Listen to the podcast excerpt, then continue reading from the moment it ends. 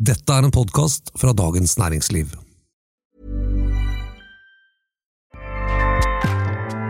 ACAST powers the world's best podcasts. Here's a show that we recommend. This is Roundabout Season 2, and we're back to share more stories from the road and the memories made along the way. We're talking rest stops, if we're stopping to get gas. You will be timed. you will be for sure. Misguided plans, I grew up in the city, so I have like, you know, a healthy fear of real extreme darkness. this was like wilderness. a lot of laughs, Y'all weird, but you, yeah, you, you were different. Like you were real different, bro. I can't really put my finger on it. and so much more. Just goes to show that unexpected things sometimes are the best when it comes to a road trip. Roundabout Season 2, presented by Nissan, is live now with new episodes rolling out every Thursday. Listen and subscribe wherever you get your podcasts.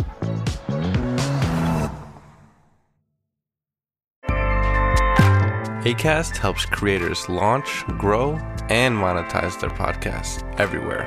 ACAST.com. Liv Signe Navarsete ble brått et hett politisk navn igjen, rett før påske. Tilfeldig? Nja Og på ytterste venstre fløy er Steigan mer omstridt enn Putin. Dette er den politiske situasjonen. En podkast fra Dagens Næringsliv med politisk redaktør Fridtjof Jacobsen og meg, kommentator Eva Grinde.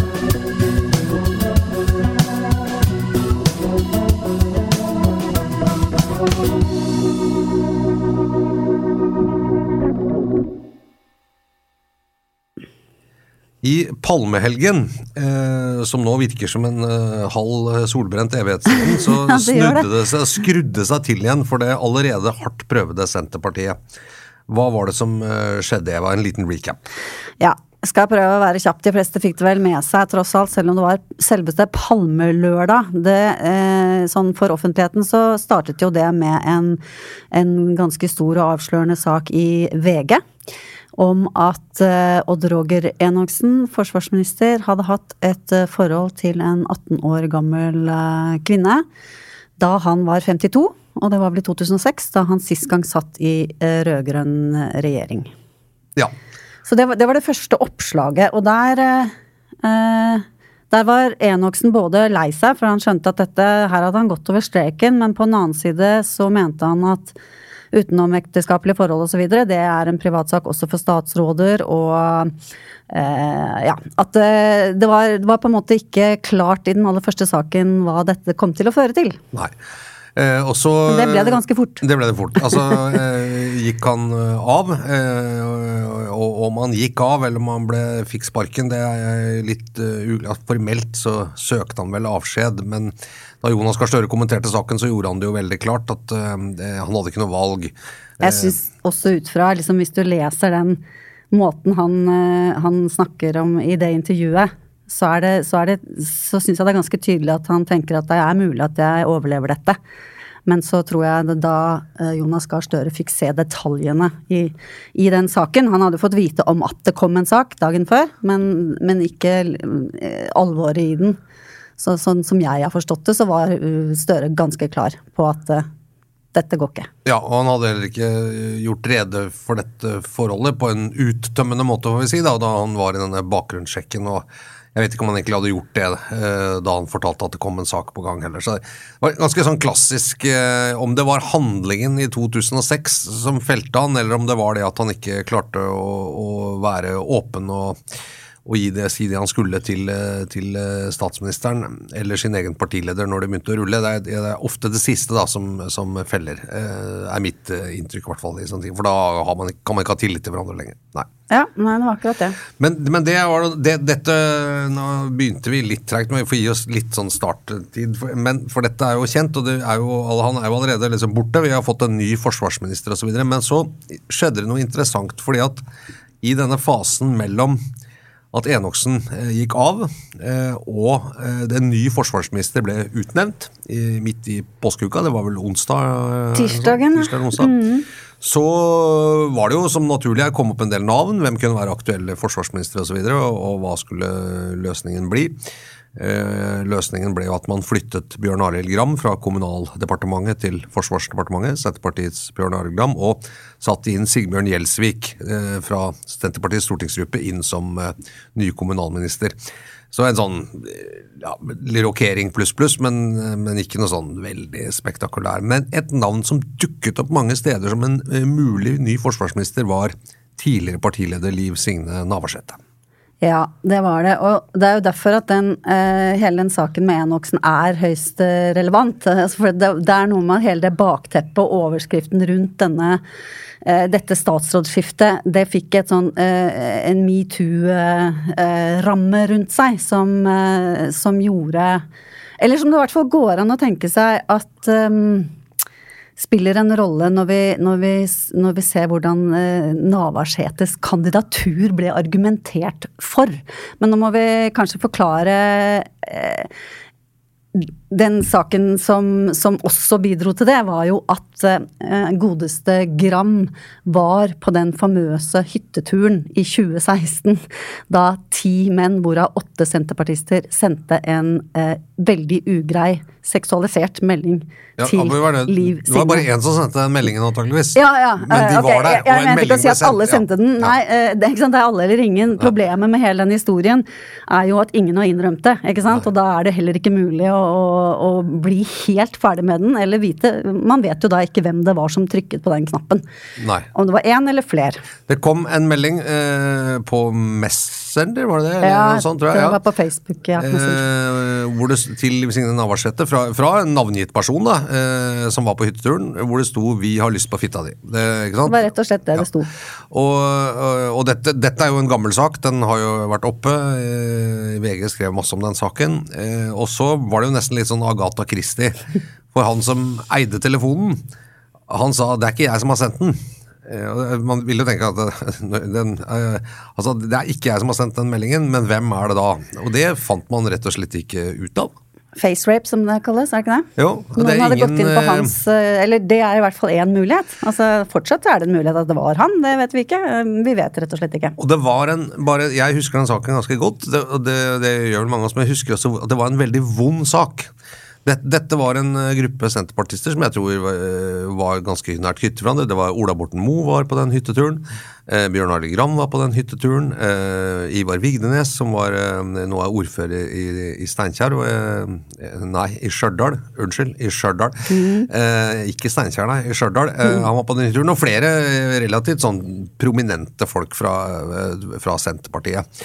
Og, eh, og, det var veldig mye dårlig stemning i den gruppa. Eh, mange ble mistenkeliggjort for at å, det var egentlig han som hadde sendt den, det må ha vært det, osv. Det var mange rare hypoteser. Så det var egentlig en veldig eh, ja, Det var en belastende sak tror jeg, for mange involverte, og selvfølgelig også for Liv Signe Navarsete. Ja, det var tanken på, på at liksom ti menn på hyttetur sitter, og at noen liksom jazzer av en sånn melding, og de slår seg på lårene og sier vøhø, liksom. Det er veldig, er veldig, veldig ekkelt. Og så er det jo selvfølgelig også Eh, det er jo også en veldig, ganske alvorlig kontekst her, ikke sant. For at det er flere, og særlig, i hvert fall særlig én, Ola Borten Moe, hadde jo lenge ligget i en ganske eh, vond konflikt med Liv Signe Navarsete. ikke sant? Og han var jo på denne eh, hytteturen, og flere i hans leir, på en måte. ikke sant? Så det går, det går ikke an å se det helt ja, helt atskilt fra den konflikten heller. Overhodet ikke. Nei, det var, det var dårlig stemning.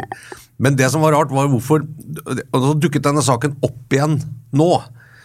Eh, og eh, den ble jo ja, brukt Da Gram ble eh, ja. På pressekonferansen så ble jo det et veldig sentralt spørsmål på tirsdag i påskeuka. Ja, og det ble også, den ble også trukket opp da man skrev om Enoksen. At, For det første ble den trukket opp som et tegn på at Senterpartiet har ikke tatt noe ordentlig oppgjør med, med sin egen metoo-historie. De har liksom vært litt sånn eh, Eh, mens andre partier har gått mye lenger i å liksom grave og komme til opphør og sånn.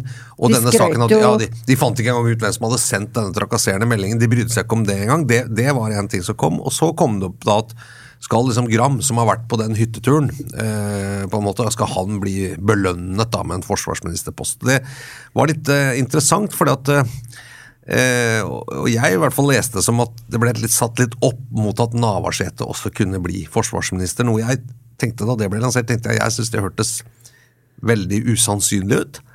eh, At hun skulle bli det, altså, rett og slett. Ja. Nei, jeg bare Altså, den hytteturen og det som skjedde der i Senterpartiet, ble jo veldig tatt veldig alvorlig partiet der og da, i den forstand at de prøvde å finne ut, og de, de sa at hvis ikke den som har gjort det, melder seg, så politianmelder de, og så gjorde de det. Og så var jo nestleder Ola Borten Moe gikk ut i permisjon mens de prøvde å finne ut av dette, osv. Så videre. sånn at eh, men eh, ja, jeg er enig i det. Både, det var jo kommentatorer i, i, aviser også som mente at det kan passe veldig bra nå med Liv Signe Navarsete.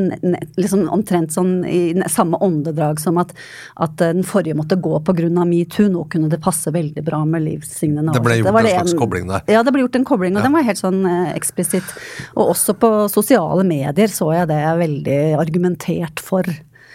Det som jeg synes var rart når hennes kandidatur ble nevnt, og som jeg synes var usannsynlig, var at hvis man kjenner til den eh, opprivende konflikten som var i Senterpartiet eh, rundt Navarsetes avgang, eh, så var jo den, hva man skal si, fløyen, eller i hvert fall noen av de som var veldig involvert i, i saken da hun måtte gå liksom Hele det med at hun måtte gå, begynte med at hun hadde ble beskyldt for å ha, og det han også gjort, skjelt ut og oppført seg ufint mot lederen i Senterungdommen, eh, som den gangen var Sandra Borch, som nå er landbruksminister. Eh, og eh, det var et eh, sånn oppvaskmøte på Senterpartiets partikontor hvor de skulle ta opp dette sentralstyret, hvor Navarsete måtte be Borch om unnskyldning. Dette ble jo, dette, det, dette ble jo filmet òg, hvor hun skjelte henne ut. Ja. Sånn, sånn, du aner ikke hvor hardt vi har jobba altså, det sånn, Ja, det, det, var en sånn sykehusaktivist i Lærdal, men, men det var Å oh, ja, da blanda jeg de ja, to. Sånn, Nei, men det var flere sånne tilfeller hvor hun sprakk, da. Ja, det ble i hvert fall sagt Sant. at hun hadde et ganske temperament mm. som gjorde at også noen kunne føle at, at, at det var ganske belastende. altså At det, at det kunne være sånn. Så, og så ble det en sak, eh, og, eh, og eh, Borch var inne i det, og, flere andre. Det ble, det ble betegnet som en fløykamp i, i Senterpartiet mellom det man kan kalle Ola Borten Moe, Sandra Borch, Vigdenes, liksom trønderfløyen, var det noen som kalte det. Marit Arnstad kanskje også inne så vidt i det. Og en mer rød-grønn fløy, som, som eh, var Åslaug Haga, tidligere partileder, Navarsete, eh, Anne Beate Tvinnereim eh, og andre, som kanskje ville ta Senterpartiet i en litt mer sånn eh, rød-grønn retning enn, enn det mer klassiske, blant annet på klima og sånne ting. Og denne føler jeg liksom kommer litt opp igjen. Jeg, jeg Navarsete har et så komplisert historie med Ola Borten Moe, eh, med Sandra Borch eh, og Trygve Slagsvold Vedum. Opptrådte på den tiden som en slags sånn megler, eh, dommer sånn i midten, men, men, det, men, du så jo hvem han har tatt med seg inn i sitt eh, nye Senterparti. Det er på en måte den ene siden her. Ja, Bortsett fra eh, Tvinnereim. Ja, men Tvinnereim har liksom ikke Tvinnereim er jo statsråd, men jeg føler ikke at Tvinnereims utspill om klima sånn er ganske på siden av det hvordan Senterpartiet har kjørt med oljeindustrien. Det har jo ikke vært noe Ja, ja, nei, altså Tyngdepunktet er helt uh, ja. Så, så, så tenkte jeg hvordan skulle liksom Navarsete få plass inn i den regjeringen og det kollegiet med den bakhistorien? Der syns jeg hørtes veldig rart ut. Uh, og det ble jo heller ikke sånn. Uh, men det var interessant at noen liksom ville løfte det opp, og det var interessant at denne dette med Gram og den hytteturen kom opp nå. og altså, Han ble jo statsråd i oktober. Hvorfor kom det ikke opp da? Og Ola Borten Moe ble også statsråd i oktober. Begge ja. to var jo på den hytteturen. Og det, da var ikke det tema. Og nå har jo eh, Liv Signe Navarsete også gått ut og sagt at nå hun igjen etterlyst, eh, ikke sant den, ja. må, den, personen må melde seg ja. og, og, sånne ting. Men, men, så litt, men, der tror jeg at det var rett og slett et push fra temaene som, som bak Roger Enoksens avgang, ikke sant, som fikk et sånn eh, Hvor man fikk opp igjen hele den der metoo-tematikken. Som Det kan i hvert fall ha spilt inn, da, for at man plutselig tenkte på det på en annen måte. Og det gjelder jo pressen også. Pressen stilte jo plutselig disse spørsmålene på en helt annen måte på denne pressekonferansen enn man gjorde da regjeringen ble utnevnt. Så, så, ble ikke det problematisert, så vidt jeg kan huske i hvert fall. Nei, og det er klart det er jo veldig spesielt dette med at, eh, med at når det var levert et varsel mot, eh, mot, mot Enoksen i 2017 eh, at når man da skal sette sammen en ny regjering og ta inn han, så er, så er det nærmest som om partiet sier sånn Ja, det var så lenge siden, spiller ingen rolle. Altså, de, de, de har jo et, en vei å gå før de liksom har troverdighet i å, å håndtere eh, metoo-problematikken på en ryddig måte. Det tror jeg. Men jeg tror også det er et eller annet med nå når det går så dårlig for Senterpartiet, så er det klart at også det indre presset mot partiledelsen og de som nå i dag styrer og har makt eller definisjonsmakt over Senterpartiets politikk, det vil jo begynne å koke ute i organisasjonen til slutt. Og Det var derfor jeg syns det, det, dette var en ganske sånn interessant utfordring mot, uh, mot på en måte den, de, de, som nå er toppen i dette partiet, og som har statsrådsposisjonen osv. Det var interessant at dette kom opp igjen, og kan, kan tyde på at det kanskje er miljøer i partiet som begynner å si at nå nå, nå, er suksessen mye mer betinget for Vedum og hans lag, og, og, det kan begynne å bli mer sånne interne gnisninger igjen. Det er jo ikke unaturlig at det skjer i et parti når det begynner å gå dårlig, eller? Nei, nei jeg er enig. Akkurat nå ser det ut som det liksom har roet seg, og at, at det ble en sånn liten eh, fleksing av muskler der, men, men det ble ikke noe av, da. For, I hvert fall ikke for Navarsete sin del, å komme seg opp og inn i posisjon igjen. Men, men, men jeg er også enig i at, at eh, der, der, der, det liksom er en sånn åpenbar svikt fra Senterpartiet, syns jeg, er den varselet som kom da i 2017 i forbindelse med at metoo ble et tema. Det, det, så man jo i mange tilfeller. ikke sant? At da kom folk med gamle ting fordi det plutselig var ok å snakke om bare sånn, Man fikk en mulighet til å ta opp ting som, virkelig, som man har tenkt på, men som liksom ikke har føltes som det gikk an å snakke om. Og da, da, var det jo en Hilde Lengali i Nordland eh, Senterparti som eh, snakket med, med Tvinnereim, og ifølge seg selv ble veldig godt uh, tatt imot av henne og sagt at det er veldig viktig at du sier dette osv. Og, så og så kom de til at det var ikke noe Dette var mot Enoksen om ja. to hendelser ja. 20 år tilbake i tid, ikke sant. Lenge. Mm. Men, men, men, ble sett på som veldig viktig, og, og, da ble, og da ble partiorganisasjonen på en måte enig med seg selv om at dette gjør vi ikke noe med, for da hadde ikke Enoksen noe verv. Men så kommer han jo da susende inn fire år etter og skal bli forsvarsminister, et veldig viktig verv.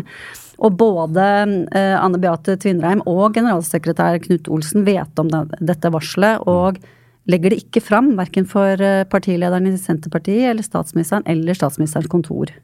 Ikke sant. Eh, Men, og det, det, mener jeg det, det, det, tyder på at Senterpartiet ikke har noen gode, gode rutiner på den type saker, vil jeg si. Nei, og så er det jo et spørsmål hvem nå, når partiet er presset så voldsomt eh, politisk, rett og slett altså det, det, Dette regjeringsprosjektet deres jo, uh, må jo være uh, liksom en, en, spektakulær fiasko, egentlig, vil jeg si. Helt fra, helt fra, den korte valgkampen begynte og, og fram til i dag har det jo gått rett til bunns. så selv om så, så det, Velgerne rømmer jo i hopetall, så det, er jo utrolig krevende start for Senterpartiet og for Vedum, ikke minst. Det, men det er jo interessant da at man kunne tenke at et parti liksom da ville sluttet rekkene og sagt at uh, nå skal vi i hvert fall ikke lage enda flere problemer for oss selv enn de vi har fra før av. Men det at noen nå liksom kjører på dette og sier nei, nå er tiden inne for å ta enda en runde på den hytteturen eh, peker på konkrete regjeringsmedlemmer. Det er klart at det, det, den, den, den dag, For det første, da Gram ble forsvarsminister, skjedde jo det på en litt sånn Han, han ble det fordi at forgjengeren eh, liksom ble tatt så det suste på en, eh, på en metoo-sak, og hadde ikke gjort rede for hva han hadde gjort. og liksom Alt var gærent. Han gikk jo av eh, med ja, med skam, ja, kan man si. Han, ble, han, fikk, ble, han, fikk, sparken, rett og slett. Ja, han gjorde det. Så det, det, er ikke så gøy i seg selv. Og så blir det trukket opp allerede på pressekonferansen. Men du også! Mm. Og, og er da er man jo sånn Nesten som om den saken og den med Enoksen er liksom samme landskap, samme ting. Det er, det jo det er jo to Eh, på en måte, jo, Den ene er jo en trakassering, sånn ufin sak. Den, den, andre er jo en veldig mye mer sånn drøyere sak med maktforhold og aldersforskjell og sånn. enn den Ja, Mangel på dømmekraft, rett og slett. Ja, ja så det, det, er noe med sånn eh, Det er bare interessant at noen ønsker liksom å få opp dette og holde liv i det nå. Og tydeligvis jo partiet selv, da. Men, det, men, men det, har vel å gjøre med at eh, ikke sant, har, Vi har jo snakket om også hvordan Vedums Hvordan han, oppslutningen rundt han har vært så stabil gjennom valgkampen sånn fordi det gikk så bra. ikke sant? Mm. Altså Det er jo noe med det, det er bare sånn du, bare, du er på et winning team, og så ser du at uh, Sånn som vi har påpekt noen ganger, for å si det sånn, så ja. er det ikke lenger et winning team. Og da, da, har det jo, da har de jo lett for å boble opp i ting som ikke er helt løst. ikke sant? Eller i hvert fall som Det vil alltid sitte noen et sted og, syn, og synes at ting ikke er løst. Mm. og føler seg forbigått og tråkka på. Eh, og Ja, for hvis man har fulgt med på, på det med, eh, med Åslaug Haga også, så har jo hun vært ganske kritisk eh, uttalt seg til da bl.a. denne regjeringens både klimamål ikke sant, og det de har sagt om det, og kanskje måtte eh, roe litt på de ambisjonene som Marit Arnstad sa. Kanskje ikke man ikke nådde dette her i 2030, utslippsmål osv. Eh, utenlandskabler, eh, nye utbygging av kraft. Ikke sant? En del sånne ting hvor, hvor hun også har vært eh, Jeg har hørt- hørt henne liksom, i debatt omtrent med, med Senterpartiet, så det er en tidligere partileder til. Og så er Det jo klart, det er noe med at tidligere partiledere, i noen partier i hvert fall, er glad i å melde seg på når det begynner å gå dårlig for etterfølgerne. Det er ikke så ukjent, men eh, jeg er litt spent på hvor det der ender. Og jeg er litt spent på om hvor dårlig er stemningen egentlig internt. Det lurer jeg litt på. Kanskje vi Ja. prøver å finne ut det. Ja, kan prøve å finne ut av det. Men hva, hvis vi sånn tilbake til overskriftene. Hvorfor ble hun Liv Signe Navarsete et hett politisk navn? Jeg, jeg mener en uh, viktig faktor var, var liksom det metoo-momentumet hun fikk, da. Ja. Og som hun brukte. Eller som ble brukt. Ja, og så er spørsmålet, for det lurte jeg på, har du noen mening om det? I hvilken grad brukte hun og hennes støttespillere dette aktivt? Eh, for å på en måte komme Hun var jo sånn ja, jeg er veldig smigret over at jeg blir nevnt, og jeg skal virkelig tenke på det, og eh, Ja, hun fikk jo litt sånn derre Ja, det, det, å, det å på en måte lansere et helt urealistisk kandidatur, som, som jeg tror alle burde skjønt at det ville jo aldri skjedd. Det var mange som Eller var ikke, det var jo faktisk en god del som mente at hun var et godt navn. Da. Eh, Jo, jo men, men det kan godt mene, og det kan godt hende hun hadde vært også, at hun var egnet og hun hadde erfaring osv. Men først, hun har jo gitt seg i politikken, og det hadde jo riktignok Enoksen òg, altså, men, eh, men, eh, men, det, men nettopp pga. det konfliktfylte forholdet eh, til eh, både, særlig da frem, andre fremtredende medlemmer av denne regjeringen, eh, Ola Borten Moe, som var nestleder, Sandra Borch, eh, kanskje også eh, Vedum og, og andre som er inne der, og, og ikke minst Bjørn Arild Gram og sånn, så er det så var det sånn så usannsynlig at, at det kunne gå. Eh, og da må man jo lure på hvorfor lanseres en sånn ting, og hvorfor begynner man begynner å snakke om det når det er så usannsynlig? Er er det for å liksom vise, for å holde et eller annet i gang? Ja, jeg vet ikke. Jeg vet ikke. Vi får vente på bøkene, kanskje. Nei. Men det ville ikke overraske meg om, om motivet for det var kanskje å at det er noe takk for sist her, da. Det kan jo hende. Det kan, det kan jo hende. Det er, det er ikke helt eh, sjelden at vi ser eksempler på det. Nei, det er ikke det. Men du- uh, Ja, Det er jo det er flere partier som baler med spøkelser fra fortiden for tiden. ja det, det er det spøkelser fra fortiden. Ja, det. Eh, Et av dem heter Ja, et av dem et av de, ja, et, Altså, et Nei, virkelig spøkelse. Det, ja, hvis vi skal snakke om eh, eh, Vi mener ikke at Liv Signe Navarsete er noe spøkelse, men, Nei, ikke Pål Steigan heller. men de er jo hjemsøkt av fortiden i Senterpartiet. Men, men Pål Steigan mener jeg, da snakker vi mer om et spøkelse. Altså, det er Vær greit. Ja, vi skal snakke om Pål Steigan og, og Rødt, og hva som skjer der etter, eh, etter dette. Steigan.no. Er du ofte innom det nettstedet der, Fridtjof?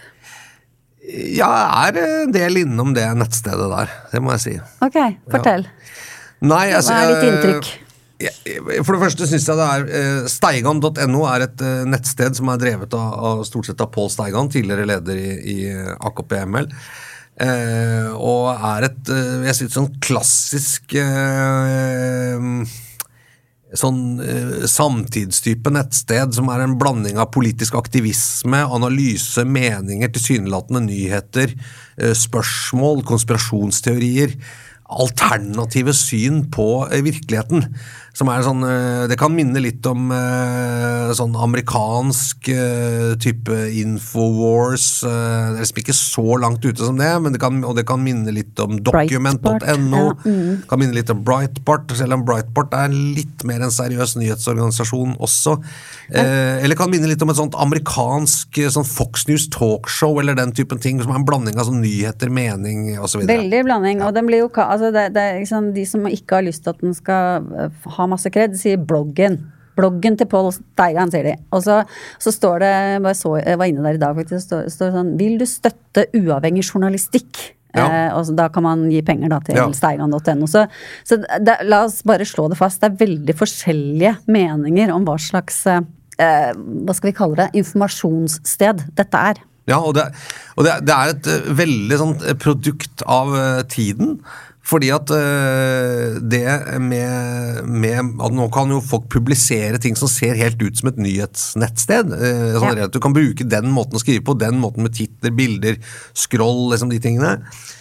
Og, øh, og du kan også, noen har jo også en blanding av sånn NTB-nyheter og egne kommentarer, saker osv. Og, og, og der kan du presentere da en versjon av virkeligheten som er annerledes enn det vanlige redaksjonelle medier gjør. Og ofte da for noen så vil det være en versjon av virkeligheten som stemmer mer med hvordan de oppfatter at virkeligheten er, eller Ja. tror at den er. Og, da, du er litt inne, og en del av det som skrives, er jo eh, tvilsomt, vil jeg si. Ja, altså Det minner jo også litt om, om eh, type resett.no, ikke sant. Og, altså, de, de som eh, Jeg tror at på en del av disse nye nettstedene som du snakker om, da, så er det en, en ganske sånn sterk overbevisning i bunnen om at vi får ikke balansert og riktig informasjon gjennom eh, mainstream media. Altså den, ikke sant. Sånn at vi, vi kommer inn som et viktig korrektiv, og det? Det, det tror jeg er mye av, av motivasjonen, da. Ja, for, fordi det, det er veldig, og det er også mye sånn I Steigan så er mye sånn mediekritikk. ikke sant? Pressen er liksom USAs og Natos og regjeringens Ja. lydige folk. og De forteller aldri det som er, egentlig er sant, eller de spør aldri de skikkelig krevende spørsmålene. Er det sånn at og så videre. Og I, I Ukraina-krigen så har jo Steigan, eh, og de har vært veldig opptatt av da eh, om at eh, Ukrainas regjering er, er egentlig sant, en, en veldig høyrevridd regjering osv. De, de støtter ikke Russlands overfall, men, men, men de prøver å problematisere jeg ser det litt på en annen måte. Azov-bataljonen, en av disse styrkene til Ukraina, som har hatt en litt sånn trøblete høyreekstrem fortid, vet ikke helt hvordan det er nå. Eh, og, så, og før dette var de veldig opptatt av vaksine. ikke sant? Vaksineskepsis og hva var vaksiner og, og sånt. noe. Eh, og så er Steigan en sånn Altså han er jo en, eh, Det går fort rundt i hodet. Noen ganger så går det til rundt, det skal vi si, men, men, og han er ganske skrivefør. Altså, han er jo en god sånn demagog, på en måte. Eh, og Derfor så er det ofte litt sånn Det er litt fascinerende å lese, men, men er, jeg føler at det er litt sånn du, du går dit for å få en bekreftelse på at du har bestemt deg for at verden er sånn og sånn, og du liksom er veldig mot det etablerte og sånn frem og tilbake, og veldig skeptisk til autoriteter og liksom stat og alt mulig så kan du komme dit og få bekreftelse på at ja, ikke sant. Det er egentlig sånn. Det er en sånn type sted, da. Ja, absolutt. Og, og, nå, og nå til saken. Nei, Nei men altså, det, det som gjør at eh, det er en, en politisk eh, sak for tiden, da, det startet vel egentlig med en Morgenbladet-sak, tror jeg, som avdekket at åtte sentrale, eller relativt mer og mindre sentrale Rødt-politikere sitter i styret til Mot Dag, som eier dette steigan.no. Ja. Um, og en av dem var styreleder i Motdag og medlem av landsstyret i Rødt. Så Ja. da begynner det å bli ganske nært, da. Og dette har eh, ja, skapt brudulje internt i Rødt, og egentlig langt utenfor eh, Rødts grenser også. Fordi Rødt har jo siden valget, eh, eller valgkampen og valget nå i, i fjor høst, blitt et mye viktigere parti i norsk politikk. ikke sant? Sånn at nå begynner folk å bry seg litt om det. De, har- de har jo hatt målinger opp på faktisk nesten opp på 10% men det var jo bare Ja. Men, men, men de, de fikk jo nesten 5% under valget, og, og eh, over sperregrensen og er det åtte eller ti?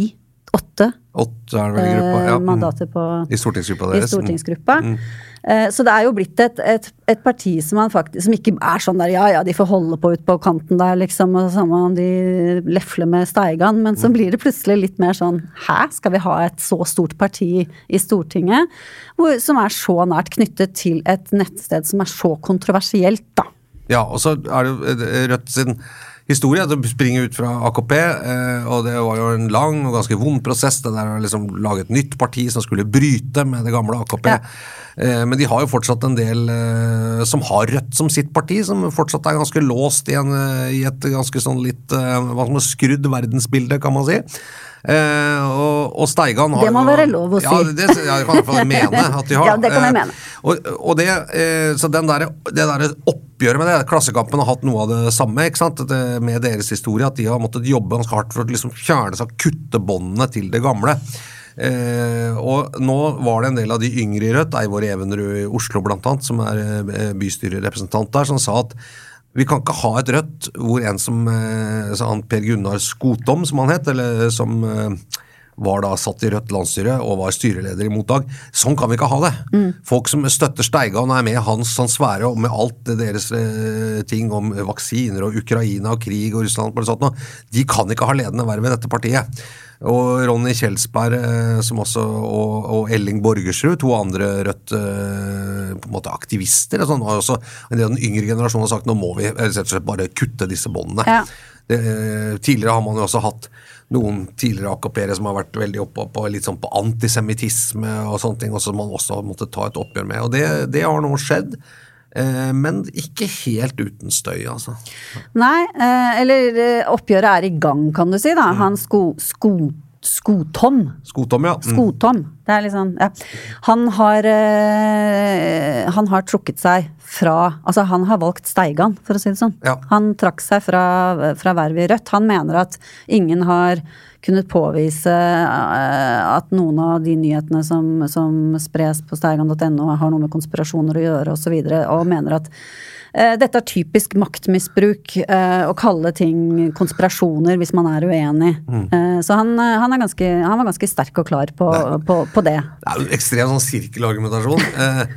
Hvis, du er, hvis du kaller dette en konspirasjon fordi det er en konspirasjonsteori eh, Ja, det er typisk hersketeknikk. Ja. Da, når du er uenig Nei, er ikke man er uenig, man peker på at det er feil. Ja? Eh, Eller at det er en konspirasjonsteori. Ja.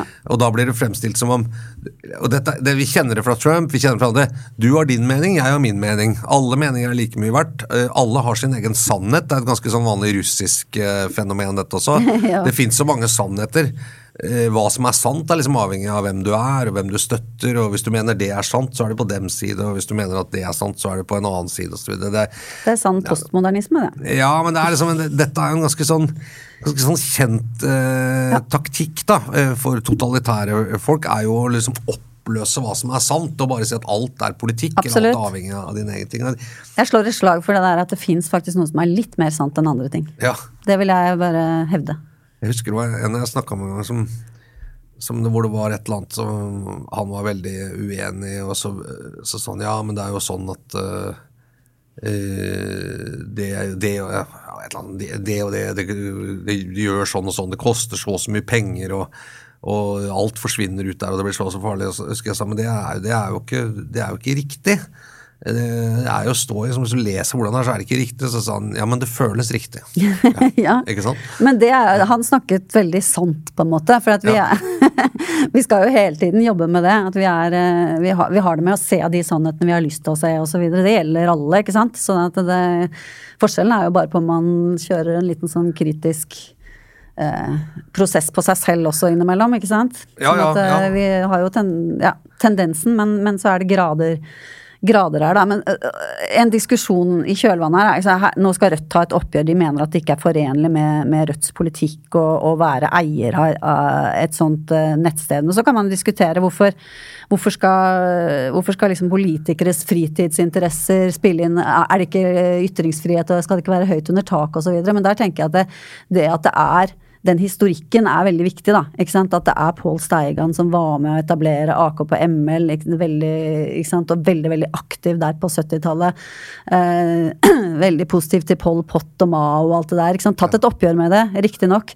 Men, men det er jo liksom det er ikke bare en hvilken som helst eh, fritidsinteresse her, det er viktig for Rødt som parti å, å rydde opp i den arven der, sånn. Ja, jeg tror det. altså, Hvis man hadde satt, eh, og dette er jo ofte sånn eh, brukt mot eh, høyrepartier, da, på ytterste Eller ytterste, men altså innenfor det som på en måte er parlamentarisk og, og demokratisk. Men partier som Fremskrittspartiet, f.eks., er at hvis, hvis fremtredende politikere der hadde hatt liksom veldig sterke greier på, på et nettsted som, som Altså, hadde liksom leflet med Ja, men liksom, Resett er liksom ikke Det er ikke det er ikke så langt ute som Steigan, syns jeg. Altså, jeg har lest en del på begge steder. De, der er det liksom litt sånn tydeligere hva som er meninger, og, og hva som er eh, det, men, Så Steigan er liksom noe mer Det er en annen tone, på en eller annen måte. Det er en annen tone, altså. Det er det.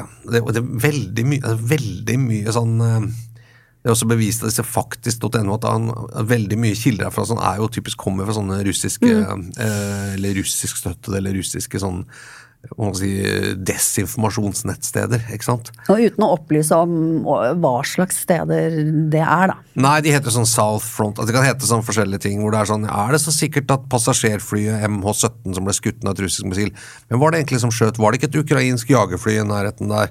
Jeg bare spør. ikke Ja. sant? Og så bilder som er manipulert. Eh, Var det virkelig slik at eh, denne eh, skipet Moskva ble det truffet av et missil, eller var det en brann? Altså, her er et bilde hvor det viser at det står i brann. Altså, det, det er en del sånne ting som, eh, eh, som gjør sånn, men jeg, men det er interessant at det vekker så mye engasjement, for jeg tror ikke det liksom betyr så mye. De som tror at Steigan er sannheten, det var, jeg tror ikke vi får gjort så mye med det. Nei, nei, ikke jeg heller, men jeg tror det henger litt sammen med, med, med at Rødt har vokst såpass mye, da. Mm. Eh, ikke sant? At det blir litt mer viktig for folk hva det, hva det er de eh, holder på med. Men jeg, jeg, det er jo litt fascinerende, da, at uh, disse som kommer fra, fra ytterste venstre har en sånn uh, liten softspot for Putin, liksom. Hva, Én ting kan jo være det at uh, det ligger i DNA-et å være kritisk til alt som er Vesten og USA og sånn, ikke sant.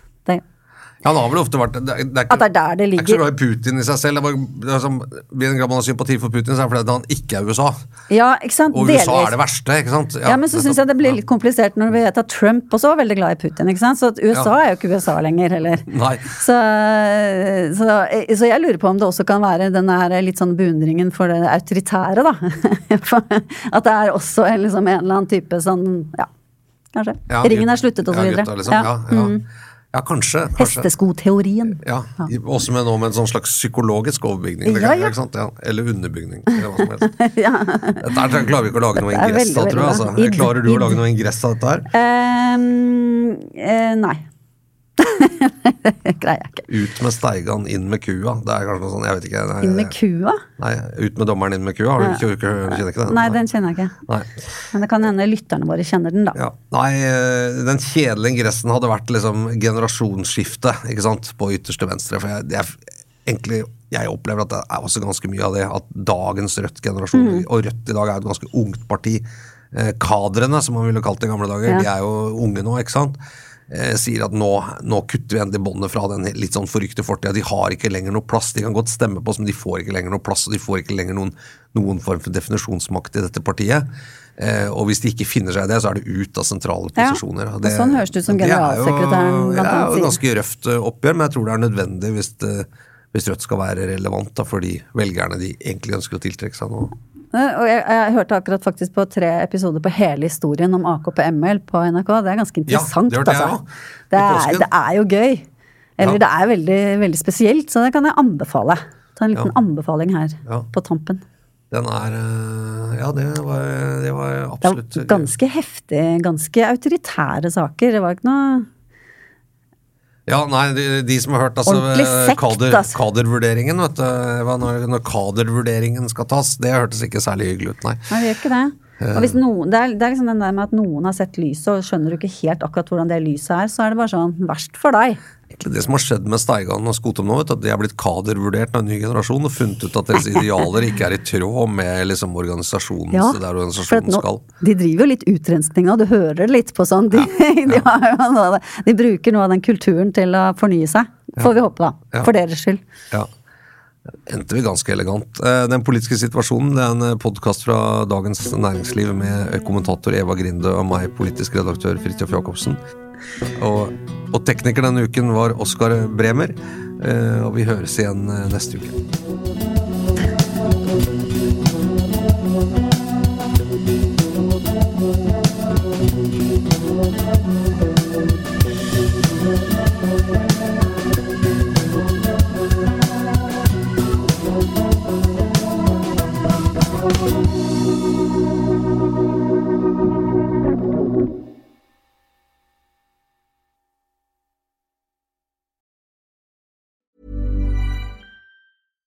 Give them a gift they'll never forget because they'll still have it years later. American Giant makes clothes that just keep getting better with age, like their iconic full zip hoodie that's designed to last for decades because a gift they'll wear for years is a gift that keeps on giving.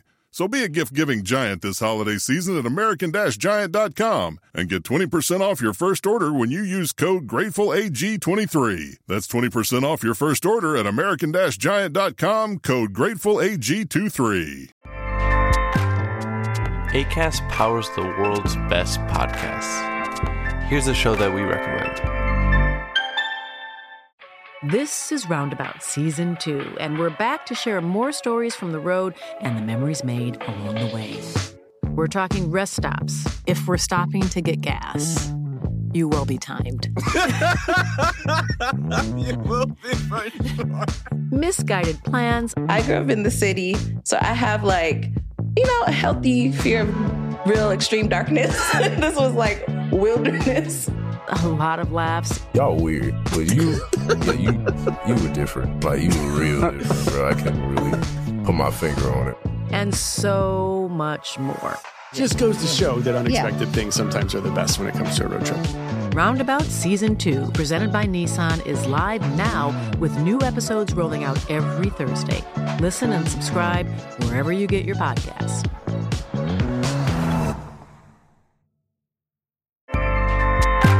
ACAST helps creators launch, grow, and monetize their podcasts everywhere.